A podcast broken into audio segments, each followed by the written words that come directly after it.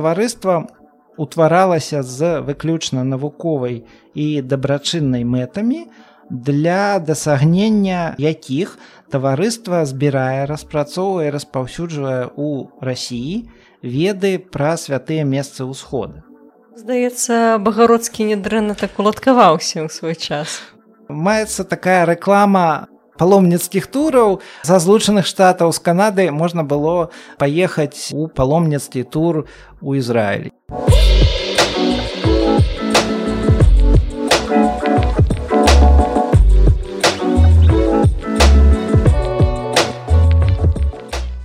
Добры дзень шаноўна гаспадарства з вами падкаст так склалася гістарычна і я дзягельганна І сёння ў мне ў гасцях вельмі цікавы даследчык вельмі цікавы чалавек Дмітрий шавялё добрый дзень Дмітрий добрый дзень Ганна. Добрый дзень з вашим слухачам. Дмітрий з'яўляецца даследчыкам сучаснага Ізраілю. Ён кандыдат гістарычных навук, дацэнт і таксама аўтар вельмі цікавага тэлеграм-каналу левантійскай тетрадзі. Але сёння мы з крыху іншай нагоды мы з нагоды, што у Дмітрыя і ў яго суаўтараў выйшла такая вельмі аб'ёмістая манаграфія, якую я ледзьве магу падняць у руках у 2021 годзе, якая называецца ну, яна выйшла па-руску воображая Палестину, святая земля и русская идентичность в 19 начале 21 веков. Дмитрий, як так склалася гістарычна альбо не вельмі што вы зацікавіліся гэтай тэмай і які асабіста ваш унёсак у гэтую такую аб'ёмістую манаграфію? Дякую вам Ганна. Па-перша я хочу сказаць дзякую што запрасілі на ваш падкаст бо па-першае вы робіце вялікую адукацыйную справу а па-другое я слухаю ваш падкаст амаль з першага выпуска і мне вельмі падабаецца. Дзякуй вам вялікі. Дзякуй так склалася і напэўна гэта з універсітэта і дзесьці я ўжо амаль больш чым 20 гадоў займаюся ізраілем сучасным ізраілем яўрэйскай гісторыяй прысутнасцю вялікіх дзяржаў на святой зямлі і усімі гэтымі тэмамі якія звязаны вось з гэтымі трымя такімі ключавымі праблемамі Мне напэўна пашанцавала і з настаўнікамі і мне пашанцавала з адукацыяй. Ну вось так і і склалася што ўжо больш за 20 гадоў я гэтым займаюся. Але вы даследуеце сучасны Ізраіль у цэлым а менавітая гэта кніга прысвечана чаму? Рускай прысутнасці так, так.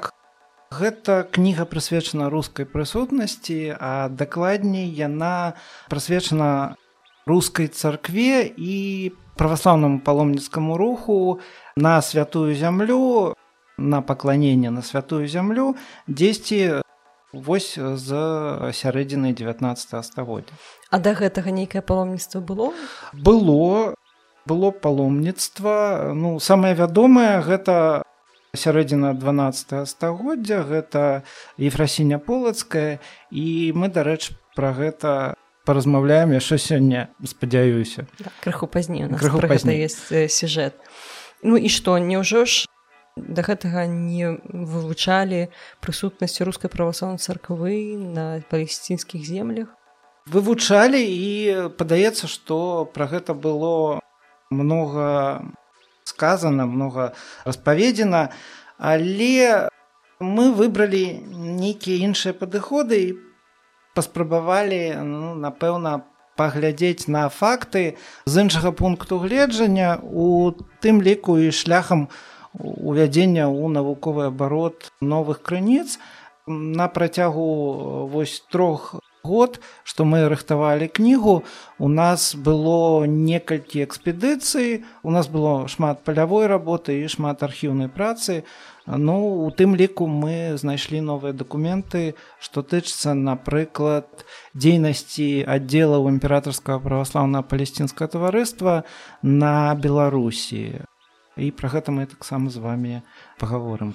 То бок ваша частка ў гэтай вялікай манаграфіі тоўстая, яна сапраўды тоўстая. Яна тычылася менавіта беларускіх земляў, а потым і беларускага гэтага паломніцкага руху так? Так тут ёсць шмат сюжэтаў якіх і вось беларускія сюжэты яны адні з ключавых у гэтай манаграфіі. І так атрымалася што мы з калегай з маладым гісторыкам з інстытута гісторыі акадэміі навук лілія манцевич мы пісалі пра Беларусь пра беларускія сюжэты пра рух праваслаўных паломнікаў з беларусі вось. Ну давайте тады власна кажучы перайдзем да зместу з чаго пачыналася ваша праца? Што вы вось такога цікавага ад пачатку знайшлі?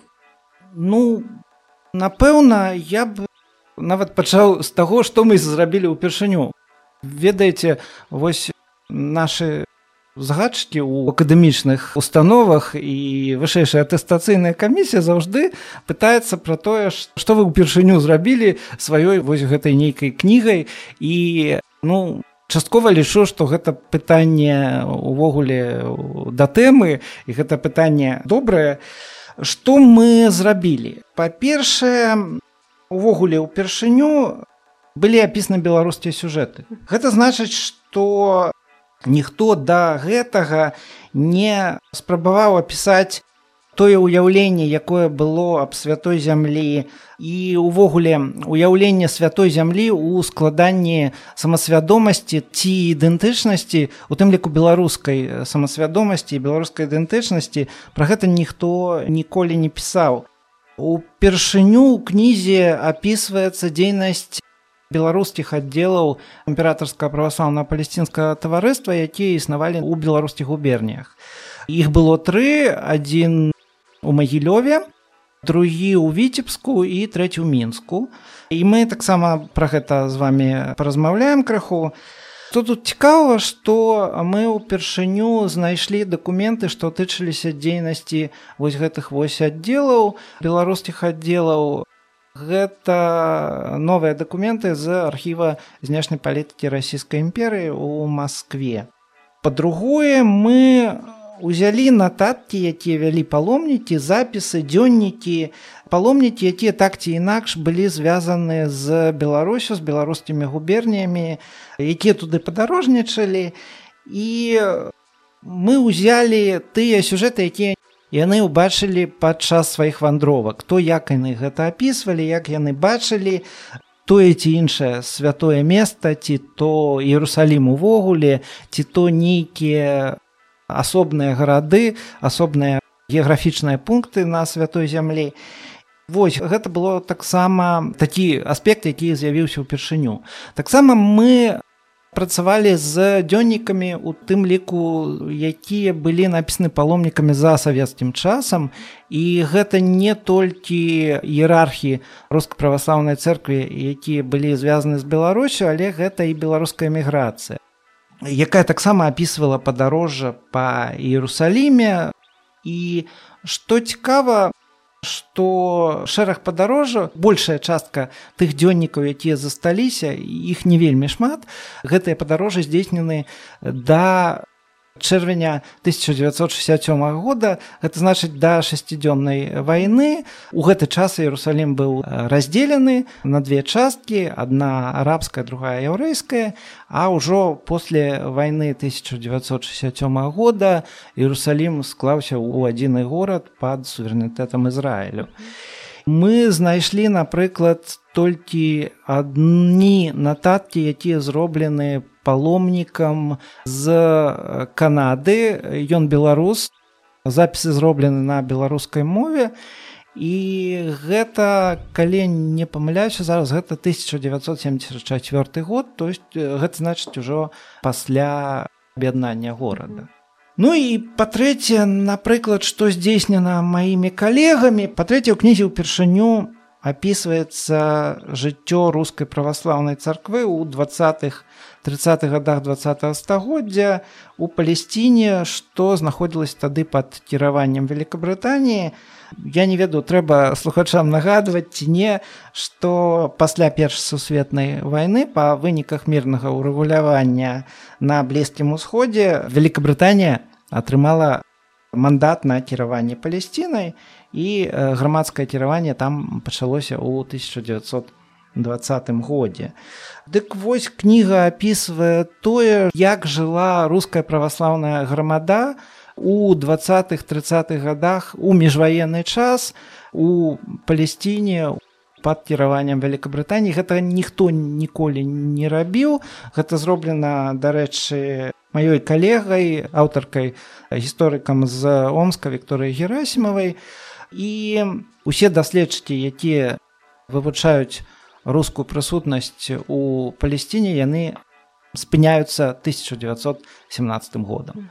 Потым узнікае такі перапынак вялікі ну і потым зноў опісваецца руская прысутнасць даследчыкамі ўжо у постсавецкі час то бок даследаванне ахоплівае шырокі час. Ад 19 стагоддзя тым ліку эміграцыю і у тым ліку савецкі час хаця казалось бы савецкі час нічога не было так? І постсавецкі час. А якая вось самая найбліжэйшая кропка часов ваших даследаванняў? Мы скончваем дзесьці самым пачаткам 21 стагоддзя. Дарэч тут я скажу пра яшчэ адзін сюжэт. У завяршэнні беларускіх сюжэтаў трэба сказаць вось таксама пра тую тэму якую даследавала моя калега лілія манцевич гэта ўжо постсавецкі час паломніцтва з беларусі у постсавецкі час пачынаючы з сярэдзіны 90-х гадоў 20 стагоддзя. Цікава што тады інфармацыі пра святую зямлю стала больш з'явілася больш нейкіх такіх паломніцкіх занатовак запісаў дзённікаў. І тут мы падышлі да нейкай новай з'явы. Гэта з'яўленне ў святой зямлі такой беларускай сакральнай прасторай. Гэта некалькі аб'ектаў аб'ектаў з сакральнай геаграфіі. Напрыклад гэта манастыр патер ностер на маслічнай гары у іерусаліме дзе ўсталявана шыльда з малітвай ойчы наш на беларускай мове гэта санктуарый благавешчання найсвяцейшай паны мары у назарэце з мазаічным абразам буцлаўскай іконы Божай маці. Гэта памятныя дошкі з гімнамі магніфікат і бенедиктус уэйн кэраме. Гэта манастыр Феадосія вялікага пад віфлеемам лаўра савы асвечанага у кедронскай даліне. Ну ці таксама гэта плошаць напрыклад янкі купалы у аждодзе з помнікам янкі купалы ну і гэтак далей шэраг іншых аб'ектаў на гэтым сюжэце я спыняцца не буду бо гэта рабіла моя калега пісаў пра яго не я но гэта вось цікавы такі момант які ёсць у кнізе і пра які ну увогуле ніхто не казаў. То бок можна казаць што калі ў 19 стагоддзе уяўленне о палесціне яно было таким ну, рускім скажем так рускім праваслаўным яно прынцыпова не адрознівалася па сутнасці ад такога мейнстрыму то у пачатку 21 стагоддзя ўжо з'яўляецца менавіта беларуская сакральная геаграфія у святой зямлі. Так яна появляецца дзесьці вось у самым пачатку 21 стагоддзя дзесьці у двухтысячных годах і так вось тое што было у канцы 19 стагоддзя у другой палове 19 стагоддзя і ў самым пачатку 20 стагоддзя так гэта гэта было ну па-першае не шмат ехала паломнікаў з беларусі потым у мяне тут ёсць некалькі лічбаў мы mm -hmm. пра гэта паговорым і так гэта было некае такое туманнае ўяўленне нешта такое там вось ну ну ёсць такая святая земля а што яна з сябе уяўляе што гэта ну мала хто ведаў зноў жа па розных прычын то бок гадоў праз 20-30 можна будзе пісаць даследаванне пра беларускай сакральнай геаграфіі так? Ну магчыма побачым як будзе. Ну добра давайте вернемся у наш пачатак пачатак наших сюжэтаў. У 19 стагоддзе мы казалі што тэма пра якую раней не пісалі гэта беларускія аддзяленні імператарскага палесцінскага таварыства. Што гэта за таварыства ўвогуле? Магчыма слухачам трэба нагадаць колькі фактаў якія Мабыць мы мусім памятаць калі гаворым пра імператорскае праваслаўнае палесцінскае таварыства. Гэта агульнаімперскае таварыства. Аддзелы яго існавалі па ўсёй імперыі. Цэнтральная канцылярыя знаходзілася ў санкт-петербурзе. І яно было ўтворана ў 1882 годзе калі ну даслоўна цытаваць амаль даслоўна цытаваць статут палесцінскага таварыства то таварыства утваралася з выключна навуковай і дабрачыннай мэтамі для дасягнення якіх таварыства збірае распрацоўвае распаўсюджвае ў рассіі веды пра святыя месцы ўсхода аказвае дапамогу праваслаўным паломнікам і таксама засновая школы бальніцы і гасцініцы. Таксама аказвае матэрыяльную дапамогу мясцовым жыхарам, манастырам і царквам. Вось на гэтым гэта амаль літаральны урывак са статута параграф першы статута імператорскага праваслаўна-палесцінскага таварыства і вось такія аддзяленні дзейнічалі ў трох губернскіх гарадах Беларусі. Увогуле падобныя інстытуты падобна імператорскаму праваслаўнаму палесцінскаму таварыству дзейнічалі у шэрагу дзяржаў дзейнічалі ў іншых краінах ну адзін з самых вядомых гэта брытанскі фонд даследавання палесціны па-англійску палестайн exploration фанд ён быў укладзены асабіста каралевай вікторыяй у 1865 годзе акрамя пэўных імперскіх задач каланіяльных задач якія на самой справе ну часткова былі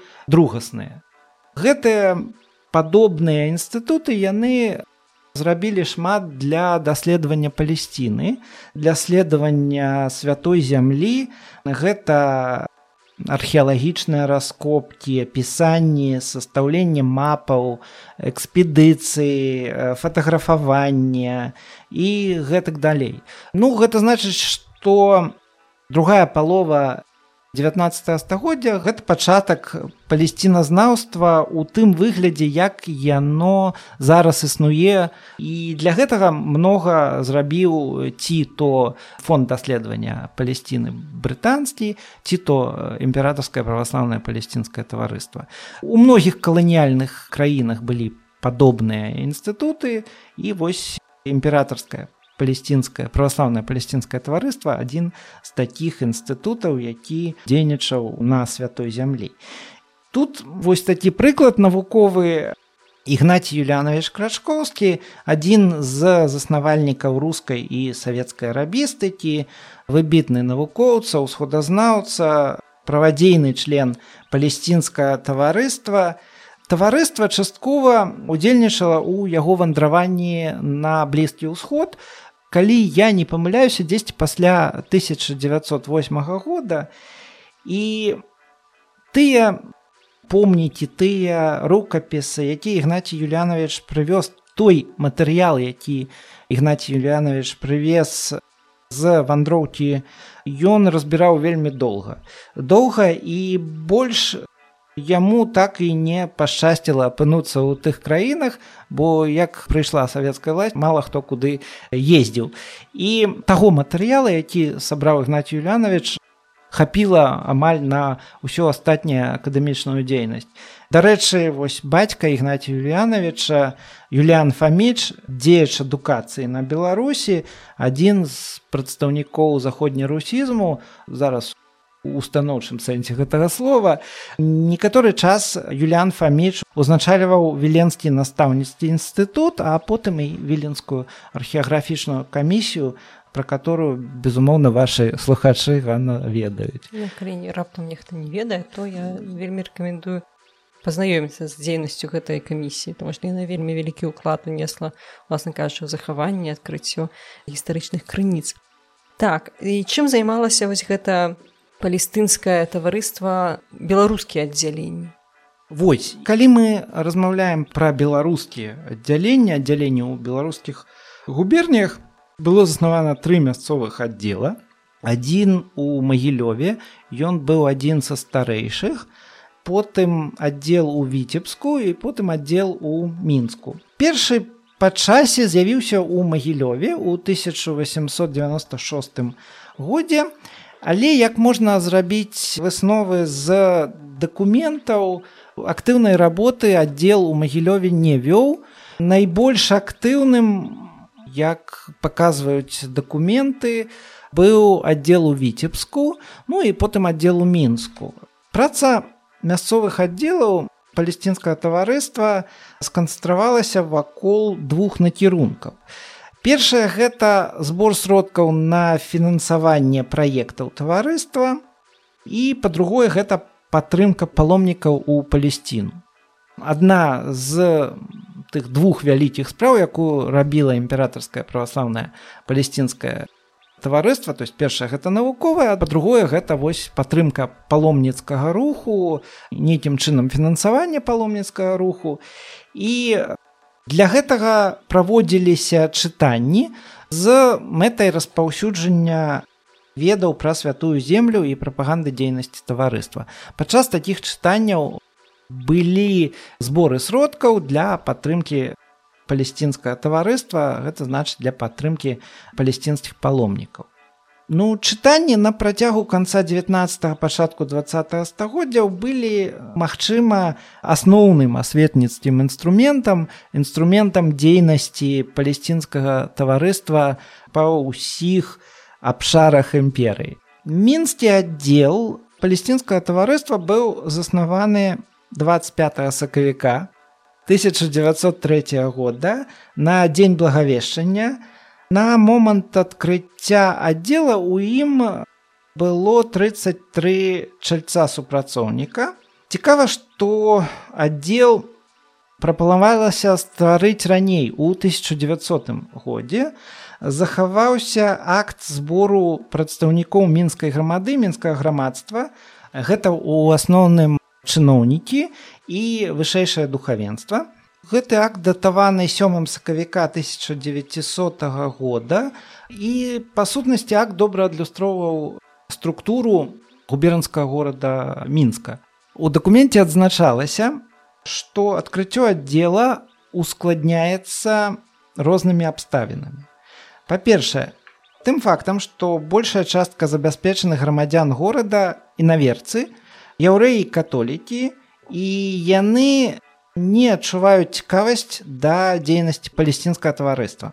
Па-другое, праваслаўнае насельніцтва мінска складаюць чыноўнікі, служачыя і ваенныя, якія па службе не з'яўляюцца пастаяннымі жыхарамі мінска, значыць не могуць удзельнічаць у працы аддзела. І па-трэцяе, у мінску ёсць іншыя праваслаўныя дабрачынныя таварыствы, якія таксама патрабуюць укладання сродкаў, адкрыццё новай справы, у якую трэба таксама ўкладаць сродкі, яно будзе нейкім дадатковым напружаннем для мінскага грамадства. І у выніку у 1900 годзе аддзел таварыства ў мінску так і не быў створаны. І звярну вашу увагу вось менавіта на гэты акт акт вельмі добра адзначаў тыя аб'ектыўныя цяжкасці якія перашкаджалі дзейнасці палесцінскага таварыства ў беларускіх губернях калі мы кажам што два аддзела працавалі актыўна мінскі віцебскі то у любым выпадку у гэтай дзейнасці было некалькі хваляў.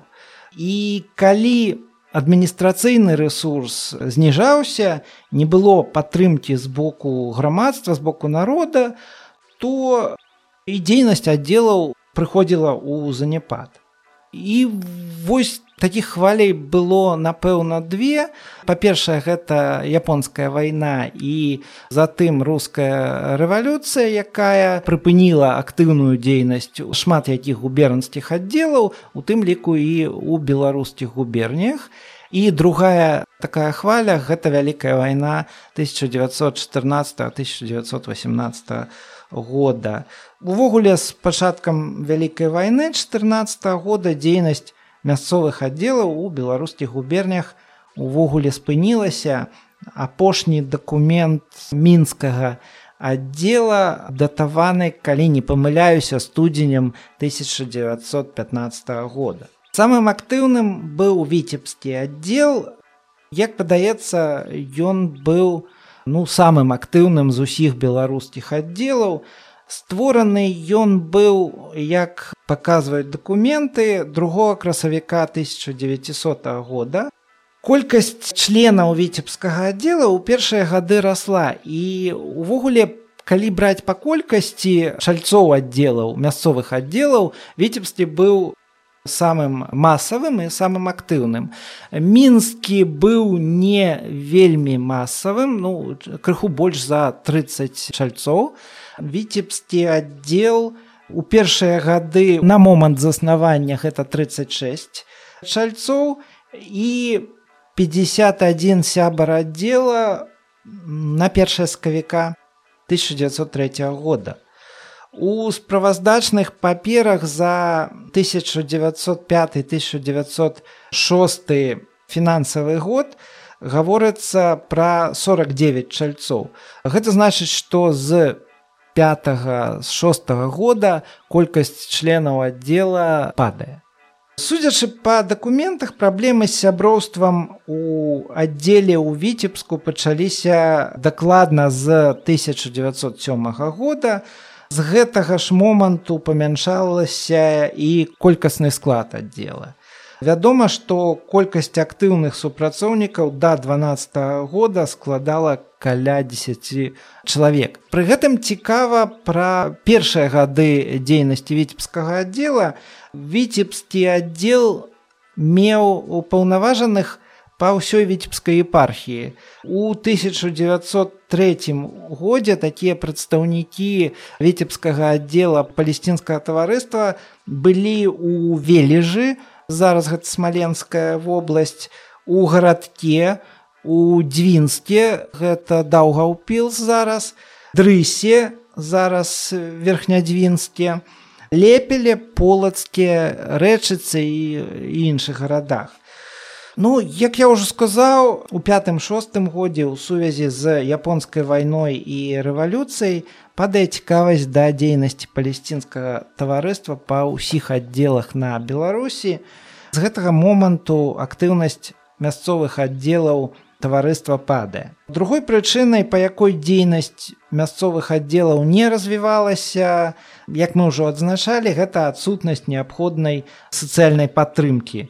У віцебску, у мінску, увогуле ў беларускіх гарадах мелася вельмі абмежаваная колькасць праваслаўных памешчыкаў і купецтва, якія складалі асноўную крыніцу фінансавання актыўнасці праваслаўна-палесцінскага таварыства.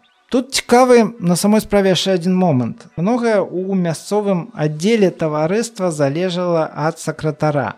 Епіскап, як кіраўнік аддзела значыў няшмат. Гэта было толькі такая адміністрацыйная фігура. Гэта была адна такая малая яго актыўнасць, адна з шмат якіх функцый у епархіі і шмат чаго залежала ад сакратара аддзела. Тут можна правесці прыклад гэтага ж самага віцебскага аддзела. У аддзела было, калі не памыляюся чатыры сакратары. У 1900-1903 годзе гэта быў Дмітрий Іванович Даўгяла, гісторык, археограф, некаторы час гэты чалавек быў хранителем віцебскага цэнтральнага архіва старажытных актаў, удзельнічаў у беларускім руху, быў супрацоўнікам беларускай акадэміі навук. Другі такі значны сакратар віцебскага аддзела гэта дмітрий тарасевич нікіфароўскі пра якога інфармацыі было даволі мала і яе прыйшлось шукаць дык вось даўгяла і нікіфароўскі яны спрабавалі прапагандаваць дзейнасць аддзела ці то на старонках епархіяльнай прэсы ці то увогуле у сваёй дзейнасці А вось астатнія сакратары, якія прыйшлі ўжо пасля 1907 года гэтым не займаліся. Увогуле тут ёсць цікавы факт, цікавы выпадак, які звязаны з апошнім да вайны сакратаром аддзела. Гэта багародскі калі не памыляюся мікалай мікалаевич ён сам займаўся краязнаўствам выкладаў у віцебскай духоўнай семінарыі выкладаў лацінскую мову. У 1908 годзе ўзначаліў царкоўна-археалагічнае старажытна сховішча віцебска у 1910 годзе стварыў гурток царкоўных старажытнасцяў рэдагаваў у перыяд вайны першай сусветнай вайны. Багародскі рэдагаваў полацкі епархіальныя ведамасці. Ну і потым у 1927 годзе ён быў абраны ў склад інбелкульта Дык вось з прыходам багародска ў 1907 годзе узраслі расходы мясцовага віцебскага аддзела на справаводства. Ну, напрыклад, у 1908 годзе двум сакратарам аддзела было выдадзена па 50 рублёў у якасці падзяці за справаводчую работу. За 1908 1909 фінансавы год справавод атрымаў на канцылярскія патрэбы і працу ўжо 100 рублёў у 1910 годзе 100 рублёў. Гэта вялікія грошы на той момант. Ну магчыма і на гэты момант 100 рублёў гэта вялікія грошы. Но не такія вялікія як 100 рублёў да 1917 года. У 1911 годзе 90 рублёў а ў 1912 годзе выдаткі багародскага на канцылярыю склалі 112 рублёў і 10 копеек Гэта пры тым, што па кружкавым зборы ў епархіі у віцебску ў дванаццатым годзе сабралі толькі 10 рублёў 97 копеек. І далей. У паперах віцебскага аддзелу захаваўся ліст з канцылярыі савета палесцінскага таварыства. У віцебск у віцебскі аддзел ад 24 чэрвеня 1916 года падпісаны ён сакратаром таварыства алексеем афанасьевичам дмітрыеўскім гэта выбітны рускі візантыніст даследчык гісторыі рускай царквы праваслаўнай царквы Дык вось у лісце указвалася, што хаця з 1914 года дзейнасць віцебскага аддзела амаль цалкам спынена з прычыне набліжэння немцаў, за гэты тэрмін багародскім была утрымана сума 242 рублі 77 копеек у якасці ўзнагароджання за працу. У той жа час за 14-15 год канцылярыю таварыства ў Петраград з віцебска паступіла толькі 66 рублёў 16 копеек.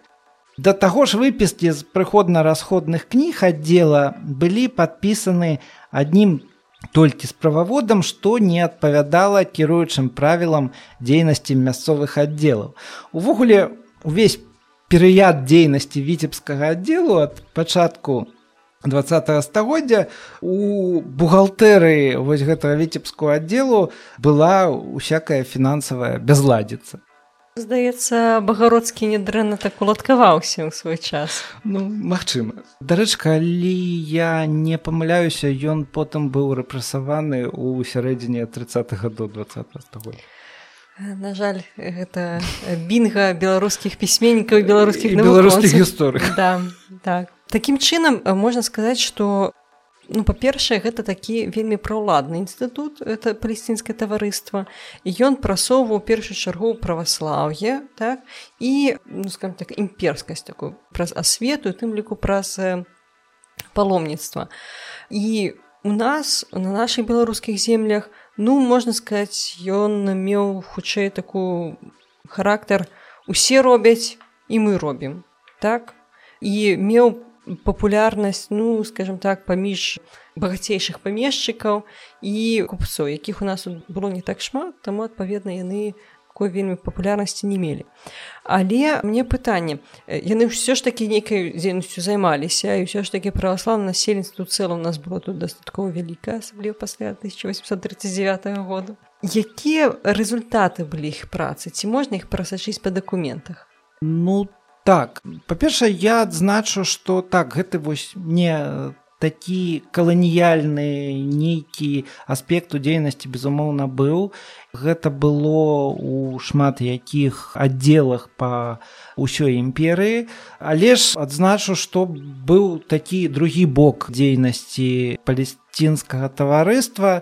Гэта навуковая дзейнасць гэта раскопкі гэта даследаванні і ну магчыма гэта да нашага часу нейкі такі гонар палесціназнаўства гэта гонар навукі і тое што было зроблена палесцінскім таварыствам.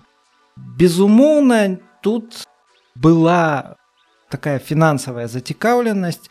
Асноўным для чаго існавалі аддзелы на месцах гэта безумоўна дабыць сродкі для фінансавання цэнтральных праектаў праектаў якія бы рабіліся з цэнтру гэта навуковыя праекты і сродкі для фінансавання паломніцкага руху для падтрымкі паломнікаў і падтрымкі праваслаўнага насельніцтва на ўсходзе не рускае праваслаўнае насельніцтва Вось і на месцах было тое ж самае. Вялікую частку часу ў дзейнасці мясцовых аддзелаў таварыства займалі палесцінскае чытанне. Менавіта на гэта на самой справе і разлічвалі у канцылярыі таварыства ў Сан-Петербурзе. Чытанні праводзіліся па геаграфіі святой зямлі, па свяшчэннай гісторыі ну і таксама па агульнацаркоўных тэмах у распараджэнні віцебскага аддзелу напрыклад для правядзення чытанняў у віцебскім аддзеле было шмат брашур лісткоў эстампаў ці туманных карцінак гэта тое што потым стала дыяфільмамі У 1903 годзе, напрыклад, у распараджэнні аддзела было 11 чароўных ліхтароў і 60 светлавых карцінак. Першага сакавіка 1902 года па першая сакавіка 1903 года было праведзена 270 чытанняў у 50 пунктах. Гэта семінарыя церквы царкоўна-прыходскія школы казармы увогуле агульная колькасць прысутных склала больш за 39 тысяч чалавек у пятым годзе з 4 по 1905 год было наладжана каля тысяч чытанняў у 257 месцах епархіі, на якіх прысутнічалі звыш 150 тысяч чалавек. Гэта на самой справе даволі вялікія вынікі, асабліва па беларускіх губернях. Цікава, што чытанні не спыняліся нават з вялікай вайной. І калі мы кажам пра дзейнасць беларускіх аддзелаў, што яна увогуле дала беларусі за гэты перыяд. Ну па-першае варта адзначыць уклад таварыства у прапаганду ведаў аб гісторыі хрысціянства на ўсходзе. Геаграфіі этнаграфіі святой зямлі распаўсюджванні рэлігійнага светапогляду. У адной са справаздач аддзела віцебска адзначалася што палесцінскія лісткі гэта выданне таварыства для шырокага народа для шырокіх слаёў насельніцтва для простага народа і віды святой зямлі якія распаўсюджваліся на паштовых картках становяцца вольным часам для простага народа. Это значыць попыт на вось гэтае выданне народнае выданне ён быў ён існаваў. Па-другое Усплёска цікавасці да паломніцтва ў святую зямлю не было, але асобныя людзі ішлі ў паломніцтва менавіта пасля чытанняў. І мясцовыя аддзелы ў гэтым дапамагалі. Адзін з аддзелаў мінска дапамагаў, напрыклад, двум паломніцам, якія пайшлі ў святую зямлю якраз пасля вось аднаго з такіх палесцінскіх чытанняў. Пік паломніцтва ўвогуле з расійскай імперыі прыйшоўся на 1909 1911 12 год. Увогуле 1908 гэта такая кропка з якой пачынаецца ўсплёск рускага паломніцтва і так было да 1914 года у 1908-9 годзе з магілёўскай губерніі напрыклад было 17 паломнікаў з аднаго боку гэта мала а з другого боку калі сапастаўляць неяк з іншымі лічбамі то гэта і многа з мінска 10 чалавек з беларускіх губерняў уключаючы віленскую да пачатку 1909 года увогуле адправілася 28 паломнікаў. Ну гэта такая сярэдняя ну дзесьці сярэдне нізкая лічба па імперыі. Вельмі складана на самой справе было лічыць паломнікаў. На гэта у нас пайшло дзесьці ну амаль некалькі месяцаў, бо дакументы па паломніцтву яны разбросаны па розных архівах. І трэба было сапастаўляць тое, што мы знайшлі, знайшлі мы не вельмі шмат, тое, што мы знайшлі ў архівах, тое, што мы мелі у нейкіх адкрытых крыніцах, і вось у выніку гэтага супастаўлення і атрымаліся такія лічбы. Складана было лічыць сапраўды лічбы былі да 1889 года і пасля 1900 года а вось гэты перыяд амаль ну больш за 10 гадоў лічбаў не было ну і вось увогуле мы нейкія лічбы атрымалі. Па-трэцяе, калі мы размаўляем пра вынікі дзейнасці палесцінскага таварыства ў заходніх губерніях, трэба ўлічваць, што яны праходзілі ў такім поліэтнічным, поліканфесійным асяроддзі і не знаходзілі падтрымку шырокіх пластоў насельніцтва. Так гэта быў своеасаблівы інструмент правядзення імперскай палітыкі ў першую чаргу. Гэта быў інструмент такой барацьбы супраць польскага уплыву на заходніх ускраінах расійскай імперыі. Але з другого боку нельга адмаўляць, што беларускія аддзелы таварыства паслужылі ну такой пэўнай, першай школай пачатковай школай у якіх набывалі досвед будучыя дзеячы беларускай асветы якія прыйшлі ў савецкі перыяд ва універсітэты у вышэйшай навучальнай установы у будучы інбелкульт і у будучую акадэмію навук Так сапраўды нельга не адзначыць вялікую пазітыўную ролю вось палестынскага таварыства менавіта ў навуковым плане тому што нават я калі рыхтавала дысертацыю я глядзела гэтыя палесцінскія зборнікі і там вельмі грунтоўныя вельмі істотныя навуковыя артыкулы былі змешчаны і змяшчаліся на вельмі высокім узроўні ну некаторыя з якіх актуальны нават і сёння. Ну прымнасе як гістарыяграфічная памяць дакладна. Але у мне такое пытанне паломніцтва як форма рэлігійнага подзвігу як форма рэлігійнага служэння ці была яна папулярнай ці што гэта было такое зразумела ваше пытанне на, на самой справе паломніцтва вось згодна з дакументамі згодна з лічбамі якія мы праглядалі за гэтыя некалькі гадоў мы зразумелі што паломніцтва не было такой нейкай высокапапулярнай формай духоўнага служэння духоўнага подзвігу у заходніх губерніях Чаму так было мы знайшлі на самой справе ну, некалькі прычын на гэта, Па-першае, тэрыторыя беларускіх губерняў з'яўлялася нейкім такім полем барацьбы паміж праваслаўнымі і каталікамі, паміж рускімі і палякамі. Улады як светецкія, так і духоўныя былі зацікаўлены ў тым, каб не дапусціць паўстання, якое адбылося ў 1863 годзе. Каб больш такога паўстання ў заходніх губерніях не было. Часткова на гэта была накіравана дзейнасць духовных і светскіх уладаў.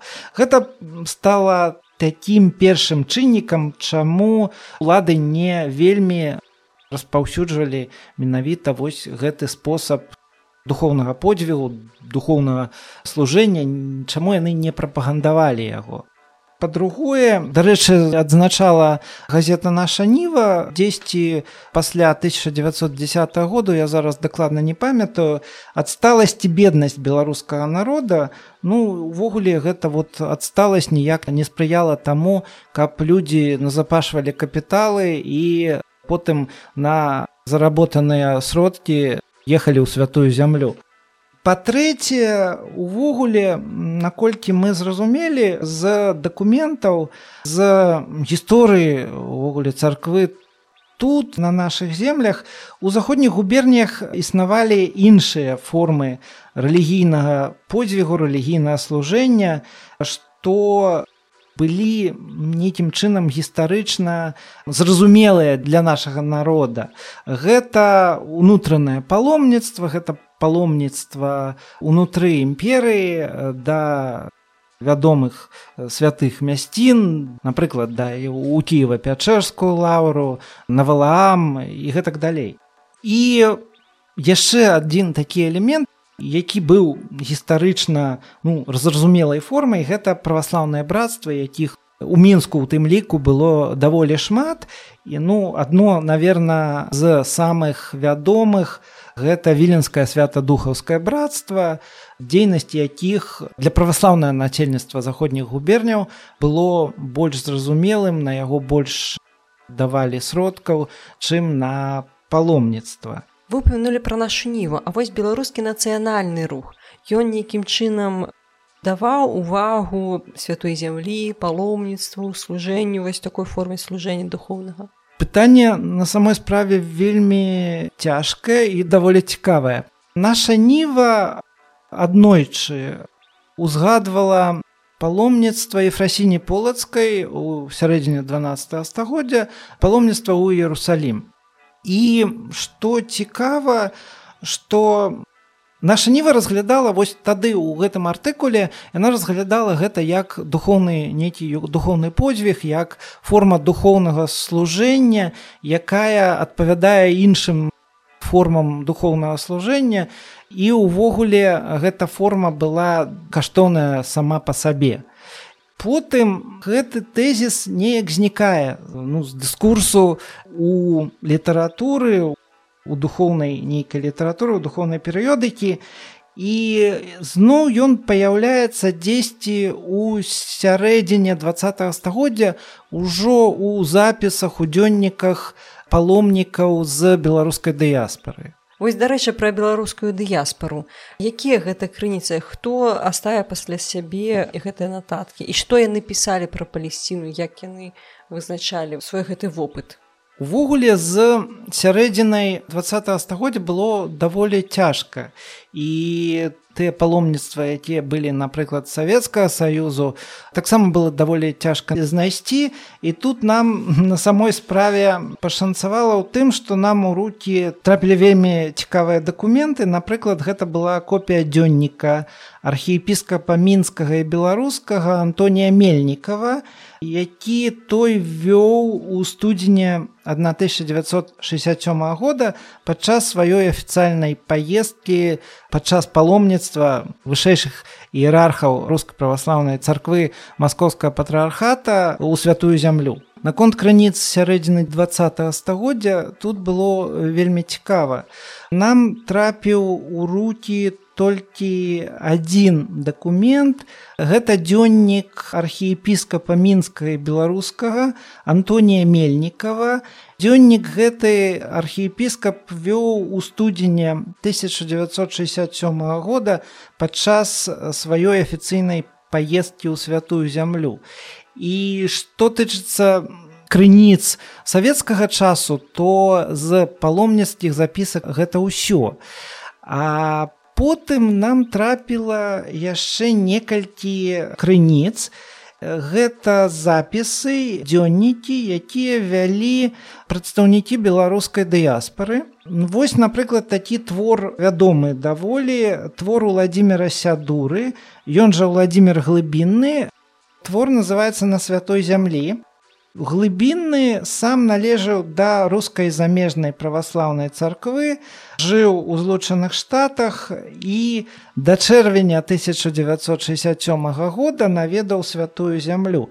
Што цікава што у беларускім дыскурсе пра дыяспору твор владимира глыбіннага стаў нейкім такім мадэллю па якой мела сэнс разглядаць увогуле паломніцтва. Гэта нейкі такі духоўны подвиг і з пункту гледжання подвігу потым усе астатнія паломніцтвы і разглядаліся у тых дзённіках, якія вялі прадстаўнікі беларускай дыяспары яшчэ одна такая цікавая крыніца якая была надрукавана і мы знайшлі гэта невялікія нататкі ад айца александра нацана зробленыя таксама да 1967 года пры раз'яднаным іерусаліме. І апошні такі нарыс даволі цікавы які нам трапіў з беларуска-мігрантскай перыёдыкі. Ввогуле мы доўга даведваліся хто гэты чалавек. Гэта нататкі янкі лихача 1974 году. Ён належаў да евангельскіх хрысціян баптыстаў і у 1970-х годах у першай палове 70-х гадоў 20 стагоддзя ён здзейсніў паломніцтва ў Іерусалім і апісваў сваё назіранне за ефсіманіяй і што яшчэ такі цікавы факт у эмігранцкім друку пасля 1967 года маецца такая рэклама паломніцкіх тураў. За злучаных штатаў з канады можна было паехаць у паломніцкі тур у Ізраіль як гэта зараз і можна усім беларускай тэмы у праваслаўных паломнікаў савецкага саюза няма Але ёсць у запісах паломніцтва ў беларусаў выхадцаў з дыяспары. Гэтая прыкмета гэта не толькі мова іх твораў, яна беларуская, але і ўяўленне пра паломніцтва пра пілігрымку як пра подзвіг беларусаў. І хаджэнне ў святую зямлю для беларусаў ёсць такі ж, духоўны подзвіг які раўняе вось гэтага паломніка са святой ефрасіняй полацкай якая здзейсніла паломніцтва ў 12 стагоддзя па сутнасці беларусы дыяспары вяртаюць у нацыянальны дыскурс тэзіс які атаясамлівае полацкую асветніцу з беларускай нацыяй. Тая традыцыя якая з'яўляецца у нашай ніве у самым пачатку два стагоддзя а потым становіцца нейкай такой часткай нацыянальнай ідэі. І вось ужо лаўра савы асвяшчэннага пад Іерусалімам не вельмі далёка ад Іерусаліма дык вось там ёсць ікона святой фрасіні полацкай падараваная манастыру кімсьці з беларускіх паломнікаў не вельмі даўно гэта ўжо было у пастсавецкі час это было дзесьці ў двухтысячных годах Дзякуй вялікі за такі цікавы расповед насамрэч вельмі цікава Таму што здаецца, дзе гэтая Палесціна, дзе гэта Ізраіль цяпер, гэта так далёка ад нас, аказацца, што гэта ўсё насамрэч нашмат бліжэй. І я хачу пажадаць усім нашим слухачам зрабіць гэтае паломніцтва. Можна светскае можна не светскае можна праваслаўнае можна не праваслаўна тому што гэта сэнсамрэч у любом выпадку вялікі вопыт Дякую вялікі Дмітрий Ганна дзякую вам за запрашэнне что я магу сказаць напрыканцы слухайте так склалася гістарычна чытайце левантійскія тетрадзі Мачыма сустрэнемся яшчэ. Дзякую вам. Дякую. Усе спасылачкі на рэсурсе які мы упаміналі будуць апісанні А я хочу падзякаваць слухачам, хочу падзякаваць подписчикам і асабліва хочу падзякаваць патронам, спонсорам, якія падтрымліваюць гэты праект грашыма і гэта дазваляе праекту расці і развівацца. Да новых сустрэчаў, пакуль.